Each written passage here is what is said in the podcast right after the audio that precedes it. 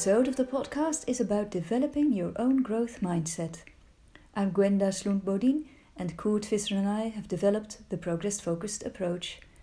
We give training courses in progress focused leadership and coaching, and we write books and articles. Quite often, participants in our training courses ask me, How can I develop my own growth mindset? I do see the benefits of having a growth mindset, but quite often I'm critical of my own performance. I criticize myself, have negative emotions, which can be draining. Being self critical, judging yourself instead of focusing on learning and improving, is detrimental for making progress. You slow down your own learning process when you're judging yourself and when you're focusing on yourself instead of on the task at hand. You're doing two things at the same time, trying to learn that difficult new skill and judging yourself negatively. And those two things interfere with each other and suck the energy out of learning. Judging yourself goes hand in hand with self conscious emotions, very often negative self conscious emotions. When we focus on ourselves, on our thoughts and feelings, we become self conscious in the sense that we become aware of our private experiences. When in a state of self consciousness, we often experience three effects on how we feel. The first effect is that we compare who we are with who we think we should be. We're evaluating ourselves. Since people hardly ever live up to their own high standards, this evaluating mindset causes us to experience negative emotions. And this effect is even stronger when people feel they can't change the way they are, and therefore they can't do anything about the discrepancy between what they're capable of now and what they think they should be capable of. The second effect is that focusing on yourself in itself is emotional for people. When people think about their motives, experiences, weaknesses, they create an emotional state in themselves. And sometimes episodes of intense thinking about ourselves precedes depressive feelings. And the third effect is that being self conscious also changes our emotional experience. When people are self conscious, they focus on how they feel, and by doing so, they strengthen those same feelings. Having a growth mindset is beneficial because with a growth mindset, people learn better, perform better, dare to take on challenges, invest more in their learning process, and do difficult things whilst feeling better. They make better progress as well. So, what can you do to develop your own growth mindset? And don't fall into the trap of being self conscious and having self conscious negative emotions. Here are 10 things that you can do. 1. Expand your knowledge about the growth mindset.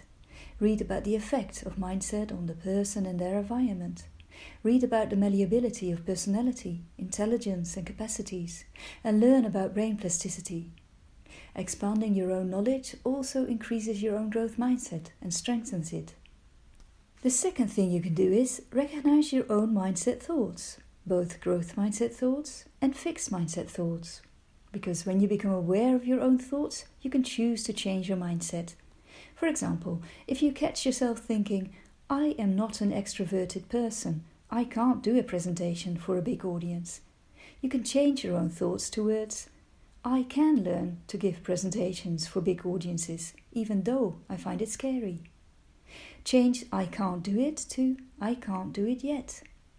Change your own fixed mindset thoughts about your colleague to growth mindset thoughts. For example, if you think, my colleague is not the sort of person who can motivate other people, change it towards, my colleague has got a lot to learn and improve in order to be able to motivate others. Or when you think, my son is not intelligent enough for mathematics, change your thought into, my son needs a lot of practice and help in order to learn mathematics. When you have fixed ideas regarding what does and doesn't fit with your own personality, change it into ideas about what you would like to learn and what you find interesting. For example, when you think, it is a shame I don't have a musical talent, then ask yourself, what kind of instrument would I like to learn how to play? The third thing is, reflect on something you're good at now, of which you used to believe you could never learn it. Other people told you it wasn't for you, for example, or you always believed you weren't that type. How did you manage to become good at it? What helped to improve? And what does this reflection tell you about the malleability of capacities? The fourth thing you can do is reflect on your own progress using the circle technique. This goes as follows You draw two circles on a flip chart an inner circle and an outer circle. Now think of something you want to improve on, a skill you want to get better at, something that's important to you. You want to achieve progress. Now, first write everything that you've already achieved regarding this skill or topic in the inner circle. Everything you already know, you can do already, everything that goes well already. Next, write down in the outer circle what you want to achieve. What do you want to improve? What do you want to get better at? Formulate these things in positive terms. So, write down what you do want instead of what you don't want. And next, choose one thing in your outer circle that you want to be able to move to the inner circle first. Think of a small step forward.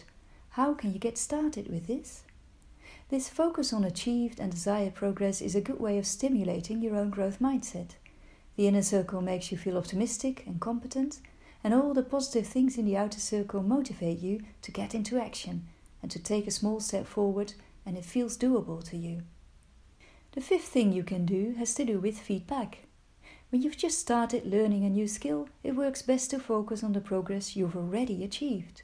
But when you're already quite skilled, then it works best to focus on the progress you still want or have to achieve. Depending on people's skill level, their feedback need is different.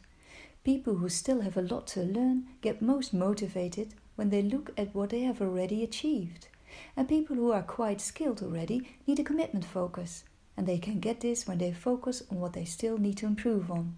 So, if you're learning something difficult and you have a bit of a fixed mindset about your capabilities, then focus on your achieved progress. Number six, when you notice that you're judging yourself and focusing on how you're performing, instead draw your attention to the task at hand. Focus on the content of what you're learning you can't do two things at the same time, so focusing on the content of what you're doing and on understanding the tasks helps you to stop thinking about yourself and your performance.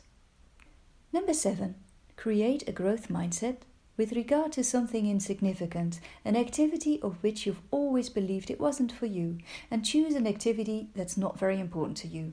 For example, creating or making a new dessert something that doesn't reflect on your self image, so if you fail, it doesn't damage your self esteem. Next, think of a way to get better at this activity by developing your own deliberate practice exercise. You start with gathering knowledge about how the best cooks in the world make this dessert. You practice again and again, and you compare what you do with how experts do it. And you make your own dessert a little better with every attempt. Number eight, explain the growth mindset to someone who doesn't know anything about it yet. What is the definition of a growth mindset and a fixed mindset? What are the effects of mindset on learning, performing, collaboration, on how you feel after failure? What are common misconceptions about mindset, and how can you clarify these? By doing so, you strengthen your own growth mindset. Number nine, catch yourself when you use fixed mindset language. If you describe yourself in terms of who you are, change it into describing yourself in terms of your behavior in specific situations. Instead of saying, I am an introvert, say, I sometimes feel shy in new groups. Number 10. Analyze your own previous successes. Previous successes are those things that you've done in the past that worked well. Imagine you want to drink less. Your previous successes are those instances where you managed to pour yourself a non alcoholic beer instead of a strong one. Previous successes normally don't pop into your head just like that. Give yourself time to find them. When you've found one, ask yourself, How did I manage that? What worked well? What did I do that helped? Is there something useful to me for the future? And if so, what is useful to me? And how can I apply what I find useful? Remember, your mindset is not a fixed part of your personality. You can change your own mindset, both in the long term and also in specific situations. If you're in a context with fixed mindset triggers, for example, you work in an organization where people focus on strengths and talents, then be aware of the effect this can have on your own mindset. Research shows that people with a growth mindset develop fixed mindset views within three months of starting to work in a fixed mindset company. Choose your own work environment wisely. Carol Dweck herself says that she still catches herself having fixed mindset thoughts every now and again. So don't judge yourself when you notice you're looking at things through fixed mindset lenses. Try one of the 10 tips to develop your own growth mindset and enjoy the journey.